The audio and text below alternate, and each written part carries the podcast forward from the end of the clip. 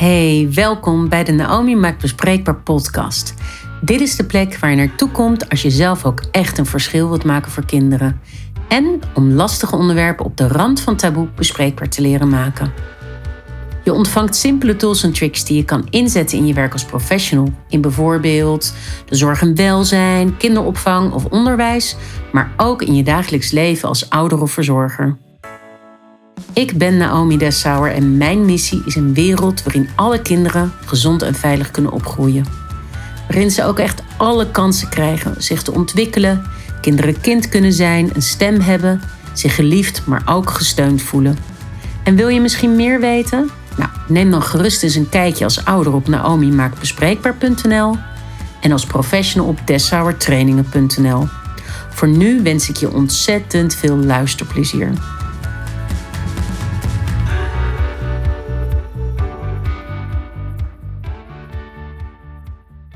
In deze podcast wil ik je eigenlijk een inkijkje geven in de weg die ik echt heb bewandeld en wat nou maakt dat mijn missie een veilige wereld is voor alle kinderen. Een veilige wereld waarin kinderen gezond en veilig kunnen groeien en tot bloei kunnen komen. En ik moet eerlijk zeggen, ik weet nog niet precies wat ik ga vertellen. Ik weet nog niet precies waar het verhaal begint. Ik weet ook niet precies waar het verhaal eindigt. Misschien eindigt het wel niet, want zit ik nog midden in het verhaal. Maar ik weet wel dat onveiligheid en veiligheid voor mij een belangrijk thema is. En altijd ook wel een belangrijk thema is gebleven. Het is een thema waarin ik het veel in mijn trainingen over heb. Waarin ik veel praat in ehm, de webinars die ik geef, in alle uitingen die ik doe, of nou, uitingen, uh, e-books die ik schrijf, noem maar op. Ik vind het een belangrijk thema. Voor mij is het ook de ondergrond, dit thema, veiligheid en onveiligheid de ondergrond als het gaat over kindermishandeling, huiselijk geweld, seksualiteit, al dat soort zaken. Maar goed, waar zal ik starten? Ik start bij dat ik ben geboren in een Joods nest. In dit Joodse nest, ik ben in een eh, heel veilig nest opgevoed. In ieder geval, voor mij heeft het, heb ik het als heel veilig en heel warm en liefdevol nest ervaren. En mijn ouders zijn Joods. Mijn opa's en oma's zijn allemaal Joods. Ik ben dus hartstikke Joods. En mijn partner is eigenlijk de eerste die niet Joods is. Die heeft een katholieke achtergrond. En, maar onze dochters zijn wel weer Joods. Want uh, Joods zijn gaat over van moeder op kind. Dus dat maakt dat onze kinderen Joods zijn. En mijn partner erkent dat ook. Maar goed, als je uh, opgroeit, stukje achtergrond over mij. Als je opgroeit in een gezin met Joodse opa's en oma's, dan kan het niet anders dan dat je opgroeit in een stukje geschiedenis. Dat je opgroeit in de achtergrond van de Tweede Wereldoorlog. Want zoveel familie had ik niet als kind. Hè? Onze ja, familie is vermoord in de Tweede Wereldoorlog. Laat ik het gewoon zo noemen, want zo is het. En er zijn maar weinig Joodse mensen die dat hebben overleefd. Heel weinig. Mijn opa's en oma's dus alle vier. En mijn ouders zijn ook allebei van na de oorlog. Maar het maakte in ieder geval dat je opgroeit in de thema's gemis, onveiligheid, oorlog, uh, massa, moord, ehm, vluchten, marteling. Nou ja, allemaal van dat soort thema's. Antisemitisme, jodenhaat. Uh, dat je opgroeit met het idee van ik behoor tot een minderheid en mensen kunnen dat oké vinden, maar er zijn ook mensen die dat niet oké vinden. En mijn opa's en oma's hebben allemaal de oorlog op een heel andere manier meegemaakt. Ik zal het eens even allemaal uh, vertellen. Laat ik starten bij mijn vaders vader, dus mijn opa, opa Maup. Opa en oma van mijn vaders kant, die komen allebei uit Den Haag. In de Joodse buurt in Den Haag uh, opgegroeid. En zij hadden ook al uh, een liefde voor de oorlog. En hoe dat precies is gegaan, kan ik nu niet reproduceren. Maar mijn opa is in ieder geval in de oorlog ondergedoken geweest bij de boeren in Drenthe. En mijn opa heeft dus buiten kunnen lopen, wat voor een Joods iemand in de Tweede Wereldoorlog natuurlijk heel uitzonderlijk was. En hij heeft bijvoorbeeld ook geen honger geleden, wat ook vrij uitzonderlijk is, aangezien we ook de hongerwinter hebben gekend in die tijd. Dus mijn opa was bij de boeren. En grappig genoeg, van de alle vier mijn opa's en oma's heeft mijn opa het het beste gehad in de oorlog als mens. En heeft hij er het minste over kunnen praten van alle vier. Zijn vrouw, mijn oma Miep, mijn geliefde oma Miep, ik vond mijn opa ook lief, maar oma Miep, daar had ik een hele speciale band mee. Is ook echt voor mij een belangrijk mens geweest in mijn leven. Net als mijn opa Heinz trouwens. Oma Miep, die zat ondergedoken, ja, niet bij de boeren, bij allemaal verschillende plekken. Die heeft onder andere een paar dagen is op de vlucht geweest, zeg maar, in het Haagse bos. Heeft ze daar ondergedoken gezeten, wat natuurlijk behoorlijk beangstigend kan zijn. En mijn oom, die van voor de oorlog, de broer van mijn vader, die heeft ook nog een eigen geschiedenis. Maar die is uiteindelijk bij een pleeggezin opgevangen in de oorlog. En heeft daar een heel liefdevol pleeggezin ervaren. Maar goed, dat je bij een pleeggezin opgroeit in het begin van je leven en daarna weer terugkomt bij je ouders. Nou ja, dat, dat gaat ook over onveiligheid en veiligheid. Dus dat waren mijn openomen van mijn vaders kant. En mijn oma Miep vertelde er wel over, over die onderduiktijd. Mijn opa dus niet. En, uh, maar zij vertelde daarover. Van mijn moeders kant, mijn opa Heinz. Ja, als ik over opa Heinz en oma Miep praat, krijg ik altijd een beetje een warm gevoel in mijn, in mijn hart. Ook wel van opa Maup en oma Jetty, maar meer nog van Heinz en Miep, grappig genoeg. Uh, terwijl Heinz was geen makkelijk mens, maar dat kan ook haast niet, want hij had ontzettend veel concentratiekampen meegemaakt. En uiteindelijk, um, hij is trouwens geboren in Wenen. Dus mijn opa is maar ja, een beetje toen het allemaal misging in de wereld. In Europa is hij naar Nederland gekomen met zijn ouders. En zijn ouders werden op een gegeven moment naar Westerbork gedeporteerd. En mijn opa is toen eigenlijk vrijwillig ook naar Westerbork gegaan. Daar is hij toen een hele tijd geweest. De vader van mijn opa is vermoord in Auschwitz.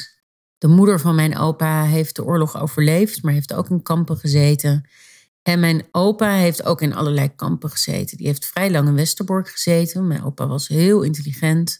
Dus die kon zich heel nuttig maken. En dat heeft gemaakt dat hij wat later in de oorlog pas doorgegaan is naar een ander kamp. Maar uiteindelijk ik zal je die hele weg besparen, maar uiteindelijk is hij bevrijd op 5 mei 1945 in het vernietigingskamp Mauthausen. Het is al heel uitzonderlijk dat je meerdere concentratiekampen überhaupt kan overleven en dat je in meerdere hebt gewoond. En Mauthausen, toen hij bevrijd werd, ja, ik kan het niet mooier maken en prettiger maken en dat wil ik ook niet. En ik wil ook in mijn podcast de dingen niet mooier maken. Dat is ook wat ik doe. Ik heb het over de dingen waar het over moet gaan. Ik wil de dingen niet mooier poetsen. Dit is gewoon wat het is. Mijn opa die lag al op, nou, op een stapel lijken. Noem je een moslimman. En hij is bevrijd omdat ze zagen dat er toch nog leven in mijn opa zat. En toen is hij uiteindelijk dus nou ja, bevrijd. En ja, je kunt je voorstellen trouwens dat als je opa's en oma's dit meemaken, dat je hele getraumatiseerde opa's en oma's hebt. Ik bedoel, ook mijn opa, die bij de boeren in Drenthe had gezeten, die heeft natuurlijk ongelooflijk veel trauma's meegemaakt. Het afscheid moeten nemen van zijn vrouw, eh, van zijn kind. Toen hij terugkwam uit de oorlog en verenigd werd met de oma Miep. Toen wilde oma Miep hem eigenlijk niet meer kennen, want wie is die dikzak, zei mijn oma toen. Want ja, hij was behoorlijk stevig in vergelijking met eigenlijk alle andere mensen die zo'n beetje in de oorlog die tijd hadden doorgemaakt. En zeker Joodse mensen die uit het kamp kwamen, bijvoorbeeld, waren natuurlijk veel overbeen, zo ook mijn opa Heinz. En nou ja, om maar even een voorbeeld te geven, zelfs als je het goed hebt gehad in de oorlog, kan je niet anders dan nou, enorm complexe tijd hebben meegemaakt en trauma op trauma te hebben meegemaakt. Dat waren dan ook de mensen die na de oorlog kinderen gingen opvoeden. Nou ja, daar kan ik ook nog wel een keer een hele podcast over maken. Want ja, getraumatiseerde mensen die kinderen moeten opvoeden, moet je van goede huizen komen. Wil je dat goed doen? Kan wel. Ik ken heel veel goede voorbeelden trouwens, maar het is wel moeilijk. En hard werken. Maar goed, um, ik was alle vier mijn opa's en oma's aan het vertellen. Ik kom een beetje van het ene verhaal in het andere. En ik denk dat ik hier meerdere afleveringen van moet maken. Of meerdere uh, gesprekken van moet maken. Want ik merk dat het te lang is hoe ik het doe. Maar goed, ik wil je er toch in meenemen. En nou ja, mijn opa Heinz heeft altijd ontzettend veel verhalen verteld. Ook op de ene manier ook anekdotes, ook leuke verhalen verteld over de oorlog. Maar het maakte in ieder geval dat ik, en mijn oma Miep dus ook, en oma Jetty trouwens, ik zal zo mijn zin afmaken, maar oma Jetty, die is opgegroeid in Zwolle en dat was een verzetsheldin. En uh, na de oorlog heeft zij in een kindertehuis uh, gewerkt om kinderen op te vangen. Nou ja, dus mijn opa's en oma's hebben allemaal hele bijzondere dingen gedaan en meegemaakt. En op hun manier ervaringen opgedaan met veiligheid en onveiligheid. En op hun beurt, ja, als je dat soort verhalen deelt met ook al jonge kinderen, ja, dan kan het niet anders. En ik was het jonge kind wat daar naar luisterde, natuurlijk samen met mijn broer. Ja, er was ook heel erg de neiging, en dat heeft überhaupt hebben Joodse mensen dat heel erg, en dat is ook heel goed, denk ik, om dingen door te willen geven. Hè? Dus verhalen vertellen doen we niet alleen om het kwijt te kunnen, wat denk ik al iets heel goeds is, maar verhalen vertellen we ook om door te geven, om dingen vast te leggen, om in het Hebreeuws noem je dat door waardoor, van generatie op generatie. En dit met het idee van dit mag natuurlijk nooit en nooit en nooit meer gebeuren.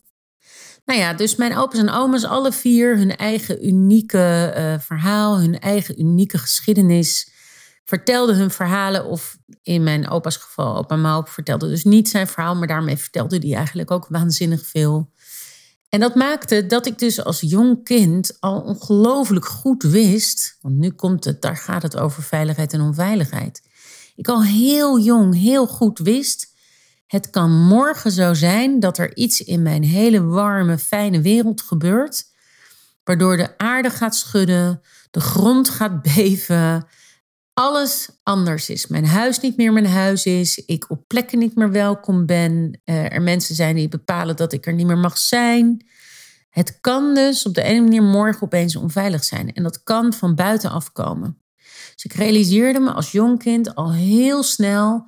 Er kan van vandaag op morgen onveiligheid ontstaan. En ik realiseerde me ook al heel vroeg, want dat heb ik ook heel erg van mijn opa's en oma's en mijn ouders meegekregen dat kan niet alleen bij mij gebeuren, maar dat kan bij iedereen gebeuren. En het gebeurt ook nog steeds in de wereld. Dus op dit moment dat wij nu in veiligheid en in vrede leven, in Nederland leven we in vrede, dan zijn er op de wereld altijd plekken waar mensen moeten vechten voor hun leven en waar zij dus in een onveilige wereld leven. Dus ik besefte me ook al heel vroeg dat het dus verschil maakt waar je opgroeit. En dat het verschil maakt waar je bed staat. En dat het verschil maakt waar je geboren bent. In welke omstandigheden. Je kunt je natuurlijk voorstellen dat ik als jong kind dat me helemaal niet besefte. Maar als ik nu terugkijk en voor mezelf naga van ja, wat maakt nou dat die onveiligheid voor mij zo'n belangrijk thema is, dan is dit een van die belangrijke items. Die oorlogsachtergrond. En dat zit volgens mij ook een beetje opgeslagen in mijn DNA. En ik kan hier uren over vertellen. Maar ik wil nog twee dingen aanhalen die er voor mij heel erg toe bij hebben gedragen dat onveiligheid en veiligheid en ja, zo'n belangrijk thema is en dat mijn missie die veilige wereld is voor kinderen. Want ik vind dat ontzettend onrechtvaardig. Het is super onrechtvaardig. Dat het dus kan zijn dat je opgroeit in Somalië en geen eten hebt. Of dat je opgroeit in Den Haag, zoals in mijn geval. En er elke dag eten is, omdat mijn ouders goede banen hadden en nou, de omstandigheden beter waren. Of dat je opgroeit in Polen of in Amerika. En dan in het zuiden of het noorden maakt weer verschil. Nou, ik, ik, realiseer me dat als een heel, heel jong kind realiseerde ik me dat. En ja, die, later heb ik natuurlijk die vertaalslag enorm gemaakt als volwassen mens. Het tweede is dat ik ja, is wel grappig eigenlijk. Ik dacht altijd dat ik zes was en dat ik toen een pleegzusje kreeg. En uh, mijn pleegzusje was een meisje dat zes jaar ouder was dan ik. Dus ik dacht altijd, ik ben zes en zij is twaalf. Maar laatst zei mijn broer een keer, je was niet zes, je was acht. Dus grappig genoeg verandert dan het hele verhaal in je hoofd. Maar laat ik toch maar even aanhouden. Voor mijn gevoel was dat toen ik zes was, toen kwam mijn pleegzusje bij mij wonen. En over haar ga ik niet te veel vertellen, uit respect voor haar. Maar één was wel zo. Zij kwam bij ons een veilige haven zoeken. Op de ene manier lukte het haar ouders op dat moment niet. En dat hebben ze daarna ook niet gekund, helaas. En zij heeft bij ons een veilige haven moeten zoeken. En die heeft ze ook gekregen, een paar jaar, niet heel lang helaas. Door allerlei omstandigheden die ook onder andere met mij te maken hadden. Grappig, ik denk opeens, misschien moet ik een keer met haar hierover in gesprek gaan. Over het thema veiligheid en onveiligheid. Maar goed, grappig zo komen van ideeën, nieuwe ideeën. En uh, tijdens dit podcast denk ik, oh, daar kan ik het over hebben, daar kan ik het over hebben. Dus dat lijkt me even af. Maar goed, mijn pleegzusje kwam bij ons wonen. En eh, daarvoor was ik eigenlijk van uitgegaan. Nu terugkijken, denk ik dat ik ervan uitging dat alle kinderen opgroeiden met een papa en een mama en in een veilig huis en een bed hebben. En dat ze een kusje krijgen voor het slapen gaan. En dat ze worden toegedekt. En dat ze kleren hebben. En dat ze eten hebben. En al dat soort dingen. Dus door mijn pleegzusje leerde ik van, oh, nou, dat is helemaal niet vanzelfsprekend. Er zijn dus kinderen die niet opgroeien met een papa of mama, of die niet met hun eigen papa en mama kunnen opgroeien. Het is dus niet vanzelfsprekend. Nog even los van dat ik me helemaal niet besefte op die leeftijd onze kinderen weten dat heel goed, maar op die leeftijd had ik ook nog helemaal niet beseft dat er ook eenoudergezinnen zijn en dat er kinderen zijn die opgroeien met twee moeders of twee vaders of een hele andere constructie. Kijk, onze kinderen weten dat de wereld heel uniek is en dat er allerlei verschillende manieren zijn van een gezin hebben en dat een kind in allerlei verschillende gezinssituaties en samenstellingen kan opgroeien. Ik moet zeggen dat ik heel blij ben dat de wereld zo uniek is en dat er zoveel verschillen zijn in de wereld. Dus onze kinderen weten dat al vanaf dat ze nou drie zijn, denk ik. Als ze het kunnen begrijpen, dan hebben we ze daarin uitgelegd. Maar ja, in mijn tijd, uh, op het moment dat ik dit opneem, ben ik 41. 41 en een beetje. en uh, nou, toen ik opgroeide, was me dat in ieder geval niet duidelijk. Maar anyhow, ja, dat was mijn tweede realisatie. Van hé, hey, het maakt dus echt verschil waar je woont en waar je opgroeit. En ja, mijn eerste realisatie was dus over de, de buitenwereld. Het kan opeens onveilig worden in de wereld buiten je, zoals in een oorlogssituatie.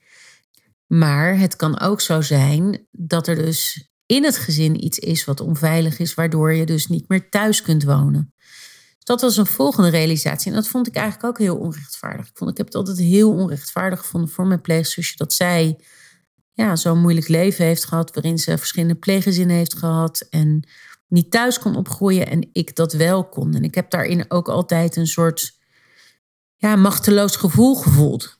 Waarom zij wel die onveiligheid en ik niet die onveiligheid? En ik ben ook blij dat ik die onveiligheid natuurlijk niet zo heb ervaren in mijn eigen gezin. Dus dat ik veilig opgegroeid ben. Maar nou ja, dat onrechtsgevoel, dat heb ik altijd gehad en dat heb ik nog altijd. Zelfs misschien wel een tikkeltje een schuldgevoel daarover weet niet of dat nou zo terecht is, maar dat kan ik nu denk ik wel zo zeggen. Dat het ook een soort schuldgevoel is bijna van waarom heb ik het goed en hebben anderen het niet goed. Dus dat was de tweede realisatie. En de derde belangrijke realisatie voor mij, dat was... Nou, ik ben uh, vanaf mijn zesde ongeveer tien jaar lang gepest. Van mijn zesde tot mijn vijftiende, zestiende ben ik gepest. En ik weet nog dat de peuterschool en de kinderopvang, daar heb ik ook nog wel herinneringen van. Het was echt heel fijn en vooral spelen. En daar heb ik echt herinneren dat ik heel erg kind ben. Ik zie nog een beeld voor me dat ik aan het schilderen ben. En ja, dat ik in de zandbak speel, noem maar op. En op een gegeven moment kan ik me herinneren dat ik naar de basisschool ging en dat ik naar groep 3 ging. Natuurlijk groep 1, 2 zat je ook al op de basisschool, maar voor mijn gevoel was dat nog echt wel de kleuterklas. En vanaf groep drie is het begonnen dat ik gepest werd. Nou ik wil er wel iets over vertellen. Het pesten was in mijn geval niet zo dat ik in elkaar geslagen werd of verrot werd gescholden. Uh, in mijn geval zag het pesten er zo uit dat ik in al die jaren, ik heb ook wel af en toe vriendinnetjes en vriendjes gehad, maar heel minimaal. Ik was heel blij als ik een keer een afspraakje had. Het klinkt wel zielig, hè? Ah, maar in die tijd werd ik vooral niet gezien. Een van de redenen, uh, denk ik, dat ik nu zo ja, zichtbaar wil zijn en deze verhalen wil vertellen en zo graag wil dat die onveiligheid en veiligheid en dat mishandelde kind zo zichtbaar wordt, is denk ik, ja, omdat ik misschien zelf niet zichtbaar was. Dus ik kies de zichtbaarheid nu heel erg op. Ik voel me daar nu ook comfortabel bij. Maar in die tijd werd ik niet gezien. Was het vanzelfsprekend dat ik niet mee mocht doen? Uh, als er iets gebeurde, een verjaardag was, was het logisch dat ik niet werd uitgenodigd. Dus ik voelde me daarin heel onzichtbaar, heel niet aanwezig, niet belangrijk, niet gezien, niet gewaardeerd. Ja, echt, nou ja, onzichtbaar. En ik werd bijvoorbeeld bij de gym altijd als laatste gekozen. Ja, dat was een vanzelfsprekendheid. En verjaardagen werd ik niet uitgekozen. En Ja, en ik was in die tijd heel stil. En ik deed ook op een gegeven moment maar niet meer mee. Want ik wist toch wel dat het niet werd gewaardeerd dat ik meedeed. En ja, je kan zeggen dat op die basisschool en ook begin van de middelbare school, dat was nog mijn heftigste pesttijd. In die tijd was voor mij gewoon school aan zich als instituut heel onveilig. Heel eng, spannend, gewelddadig. Ook al gebeurde er dus niet echt iets gewelddadigs. Dat je er niet toe doet, voelt ook als een soort passief geweld. Hè? Een soort stil geweld. Ik ben als jeugdzorgwerker wel eens betrokken geweest bij ehm, gezinnen waarbij een vader dan zei: Zij bestaat niet meer voor mij over een kind. En dan zijn kind doodzweeg. Nou, dat vond ik ook hele moeilijke zaken. Dat hele stille geweld, heel heftig. Maar goed, ik heb het dus als heel uh, gevaarlijk en onveilig en naar ervaren. En toch ben ik daar heel sterk uitgekomen. Uit die hele tijd dat ik gepest werd. Ik neem af en toe even een slokje thee. En waar ligt dat nou aan? Nou, dat ligt eraan dat ik eigenlijk zoveel positieve invloeden had naast die klote tijd met dat pesten. Het was echt een klote kuttijd. Weet je, ik kijk er echt niet met plezier op terug. Ik heb heel weinig herinneringen van mijn schooltijd. Ik kom best wel eens mensen tegen die dan zeggen dat ze bij mij in de klas hebben gezeten. Ik weet het gewoon niet meer. Ik heb ook echt wel dingen geblokkeerd, denk ik. In ieder geval is het zo dat ik dus heel veel positieve invloeden had in die tijd. Ik ga je er een paar noemen, er een beetje een beeld bij te geven. En die maakte dat ik eigenlijk die kuttijd van, dat school, van die schooltijd heel goed heb kunnen dragen. En ik ben ervan overtuigd dat dat er ook toe bijdraagt waar ik nu sta. Dat ik zo stevig ben uh, en zo sterk en zo stevig ben en zo ook wel zeker ben op sommige delen. Op andere delen ben ik nog altijd heel onzeker hoor. Want dat, dat schud ik waarschijnlijk nooit van me af. Als waar ik nu sta. En nou, een van de positieve invloeden, krijgt meteen energie als ik er al aan denk, is Ria Bos. Ria Bos was mijn fluitjuf. En bij Ria Bos, ik hou heel erg van muziek en ik hou heel erg van zingen. En ik had blokfluitles bij haar. Maar ik had een enorme klik met haar. En ik hield ook heel erg van tuinieren. Daar hou ik ook allemaal nog steeds van. Uh, van al die dingen die ik nu noem. En ik zou het liefst een hele grote tuin hebben. Maar in ieder geval dat tuinieren. Ik mocht met haar tuinieren. Ik ging met haar schaken. Ik mocht met haar praten. Ik had echt lol tijdens die lessen. En ik was heel vaak bij haar. En tuurlijk besef ik me dat mijn ouders zich, ja, dat dat lukte. Dat mijn ouders dus ruimte konden maken hiervoor. En die zagen ook dat ik daar zo blij van werd. Maar dat was een van de hele positieve invloeden in mijn leven. Door haar voelde ik me heel erg gewaardeerd. En dat stuk in die kunst, die was ook voor mij heel belangrijk. Net als dat ik op zaterdag ging naar Rabarber. De jeugdtheaterschool van Den Haag. Opgezet trouwens door mijn uh, tante Rebecca en oom Wim. Serlie. En ja, ik zat op zaterdag bij Rabarber en daar heb ik jaren op gezeten. En ik speel nog altijd toneel en dan vooral improvisatietoneel. En ja, op toneelles, ja jongens, nou ik heb nog steeds een aantal van mijn beste vrienden, die ken ik nog steeds van Rabarber. En ik genoot gewoon van die wereld. Ik, ik probeer er woorden voor te vatten, maar gewoon, ja, als ik op zaterdag naar de Nobelstraat ging, waar het was midden in de binnenstad van Den Haag, dan stapte ik gewoon een hele veilige wereld in. Ah, jongens, het raakt me zelfs als ik het vertel. Ik ga er bijna van huilen. Het was namelijk de plek waar ik ehm, in een andere wereld mocht stappen. Niet alleen letterlijk in die toneelwereld, maar ook in scènes. Het ging me makkelijk af. Dus het was eindelijk iets waar ik echt voor mijn gevoel goed in was.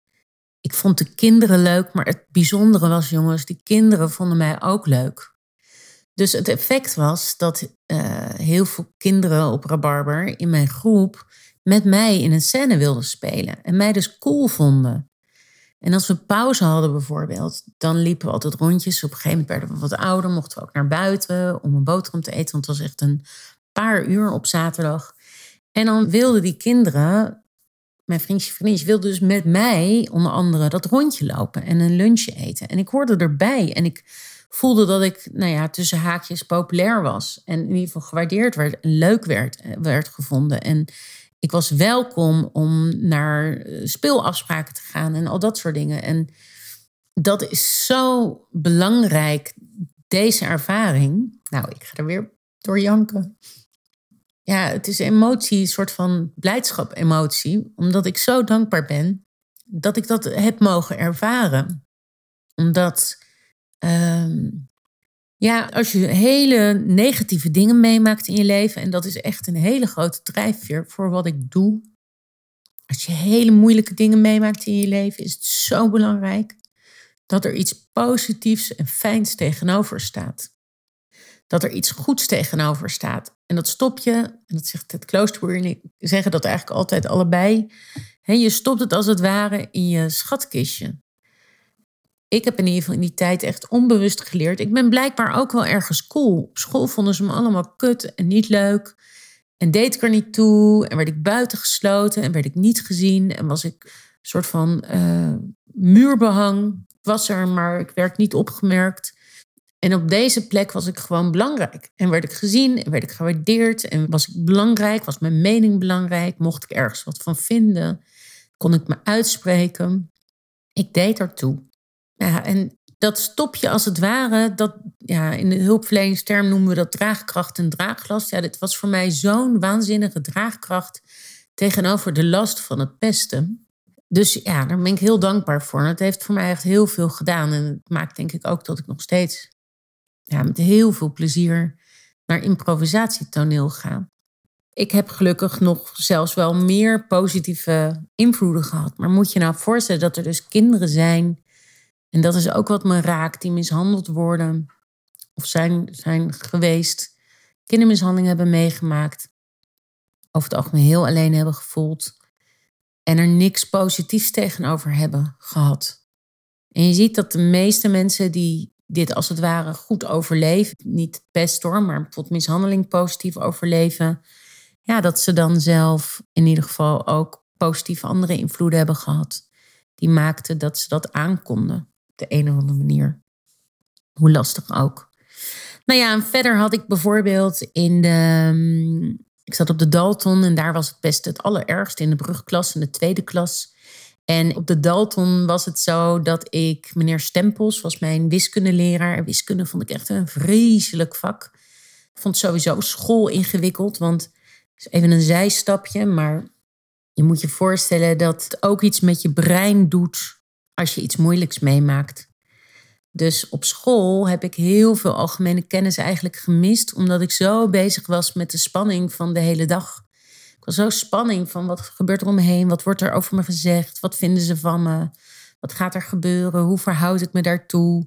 Ja, daar was ik zo druk mee bezig dat ik niet me bezig heb gehouden met uh, hoe de, de landkaart eruit ziet en hoe de D's en de T's werken en al dat soort dingen. Dus dat is ook nog wel iets uh, interessants nou ja, het doet iets. Hè? Als je iets moeilijks meemaakt, dan worden er bepaalde stukken in je brein eigenlijk uitgeschakeld. Om te zorgen dat alle aandacht wordt gevestigd op het overleven van iets heel ingewikkelds. Uh, maar nou, meneer Stempels, wat hij deed, hij had in ieder geval door dat het niet helemaal goed met me ging. En wat hij deed, is dat hij me in de pauzes binnenliet. Nou, dat was voor mij een hele belangrijke redding. Het is wel bijzonder, want meneer Stempels heeft me nooit gevraagd: Goh, Naomi, hoe gaat het nou echt met je? Of wat gebeurt er als je wel naar buiten gaat? Dus dat was een tip geweest aan meneer Stempels. Maar meneer Stempels is al lang en breed met pensioen. Of misschien, ja, ik weet niet eens of die er nog is. Ik heb een tijdje terug wel een keer mailcontact met hem gehad. Uh, jaren geleden alweer. Heb ik hem een keer bedankt. Um, maar hij hield me binnen. En wat hij deed, wat voor in die tijd best wel hip was. Want hij had dus een computer. Nou, dat is voor in die tijd al best hip. God, ik voel me echt trouwens bejaard als ik dat zeg. Uh, een soort dinosaurus. Nou, zo lang is het ook weer niet. Maar nou ja, wat hij deed is dat hij mij binnenhield en had een computer en hij liet mij beroepstesten doen. In mijn gevoel, maar is natuurlijk mijn herinnering, mijn waarheid, maar in mijn gevoel heb ik echt 3 miljoen duizend beroepstesten gedaan. En het grappige is, daar kwam elke keer bibliothecaresse uit. Nou, ik ben geen bibliothecaresse geworden moet wel zeggen dat ik enorm van boeken lezen hou. En ik heb wel in een kinderboekwinkel gewerkt in mijn studententijd. En ook nog in een andere boekwinkel in Paagman in mijn studententijd. Dus ja, daar klopt op zich wel iets van. Maar nou, ik ben echt geen bibliothecaresse geworden. Maar dat was voor mij heel fijn dat hij dat deed. Dus dat was helpend uh, in die tijd. Nou ja, daarnaast die, die warme opvoeding thuis. Mijn opa's en oma's die voor mij dus heel belangrijk waren. Die positief invloed van het toneel en de muziek bijvoorbeeld. Eh, de muziekles van Ria Bos. Ja, en dan heb ik nog wel meer dingen hoor die ik kan noemen. Maar ik had dus gewoon, samenvatting van het verhaal. Ik had dus ongelooflijk veel positieve invloeden naast die klote pesttijd. En ja, ik ben ervan overtuigd dat dat heeft gemaakt dat ik er zo uit ben gekomen als dat ik nu eruit ben gekomen. En wat heeft me dat nou allemaal geleerd? Het heeft mij geleerd dat het dus niet vanzelfsprekend is dat het altijd veilig is om je heen. Of veilig blijft om je heen. En dat ik me realiseer dat er altijd kinderen zijn waarbij het dus continu niet veilig is om zich heen. Dat het ook niet altijd veilig hoeft te zijn in je eigen nest, zal ik haast zeggen. Maar dat hoeft dus geen warm nest te zijn. Ik heb me dus heel goed gerealiseerd dat het niet vanzelfsprekend is dat iedereen opgroeit in een warm nest. En ik heb me heel goed gerealiseerd hoe belangrijk het is dat, er dus, dat je steun ervaart als kind. Dat je ergens gezien wordt, dat je positieve ervaringen hebt. Die staan naast die rottige ervaringen. En die drie dingen tezamen en de onmacht en de frustratie die ik daarbij voel, dat het zo onrechtvaardig is. En dat het zo uitmaakt waar je bed staat, waar je huis woont, zou ik als het Haagse willen zeggen waar uh, de hoeveelheid geld die er is, de hoeveelheid uh, hersenen, brains die er zijn thuis, alle mogelijkheden die er extern nog zijn, de wijk waar je woont, het kleurtje wat je hebt. Ik uh, ben overtuigd dat dat helaas, maar dat het effect heeft. Het geloof, nou, dat het allemaal van invloed is. En dat is denk ik de basis. Want ik begon deze podcast met dat ik je wilde vertellen welke weg ik heb bewandeld en wat nou eigenlijk maakt dat dit mijn missie is. Die veilige wereld voor alle kinderen. Die onmacht en die frustratie die ik eigenlijk daar altijd in heb gevoeld. En ik kan hier nog uren, uren, uren over doorpraten. Dus dat zal ik ongetwijfeld nog wel doen. Maar voor nu wil ik het een beetje hierbij laten. Dat maakt dat ik doe wat ik doe. En dat ik elke dag blij ben dat ik dit mag doen.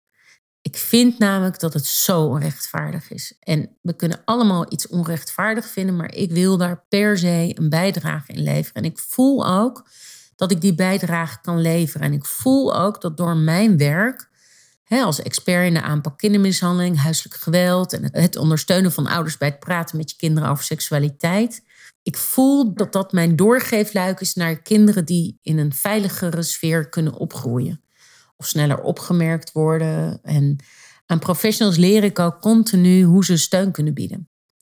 Zelfs door niet meteen te handelen. En dan bedoel ik bijvoorbeeld een melding te doen bij Veilig Thuis. Weet je, ook als je een kind dus ziet en waardeert, doe je dus al waanzinnig veel. En dan zeg ik niet dat je de rest niet moet doen. Moet je ook doen. Maar je doet waanzinnig veel. Dus ik ben mij als volwassen mens heel erg gaan reflecteren op wat maakte nou ook, en die wil ik ook nog meegeven, wat maakte nou dat ik mij veilig voelde op sommige vlakken of op veel vlakken? Wat maakte dat ik dat voelde? Wat deden anderen dat ik dat voelde? Hoe kan ik dat woorden geven? En wat miste ik op momenten dat ik me onveilig voelde? Zoals ik zei, van nou, ik miste bijvoorbeeld gezien worden. En wat gebeurde er dus als ik wel me veilig voelde? Dan werd ik gezien. Ik werd gewaardeerd. En dat is een vraag die ik jou wil meegeven om eens over na te denken en op te reflecteren. En misschien kun je daar ook op reageren hè, in de comments. Ja, wat heb jij of wat ervaar jij als mens of als, wat heb je als kind ervaren op momenten dat je je veilig hebt gevoeld? Of dat je je nu als volwassen mens veilig voelt? Nou ja, en de vraag daarnaast dan misschien ook, en wat betekent dat voor kinderen die opgroeien en voor de kinderen om je heen? Nou, hoe kun je zorgen dat zij dat ook mogen ervaren?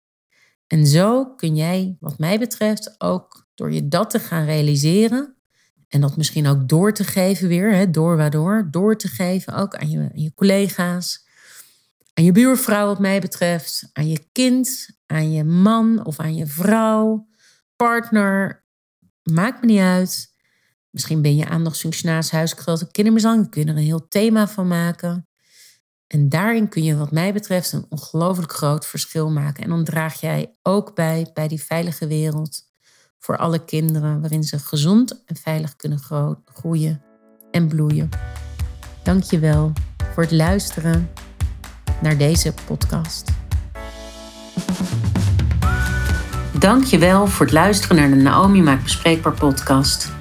Ik hoop dat ik je heb kunnen inspireren en concrete tips heb kunnen meegeven waarmee je gelijk een verschil gaat maken. Ik maak deze podcast omdat ik geloof in het delen van kennis.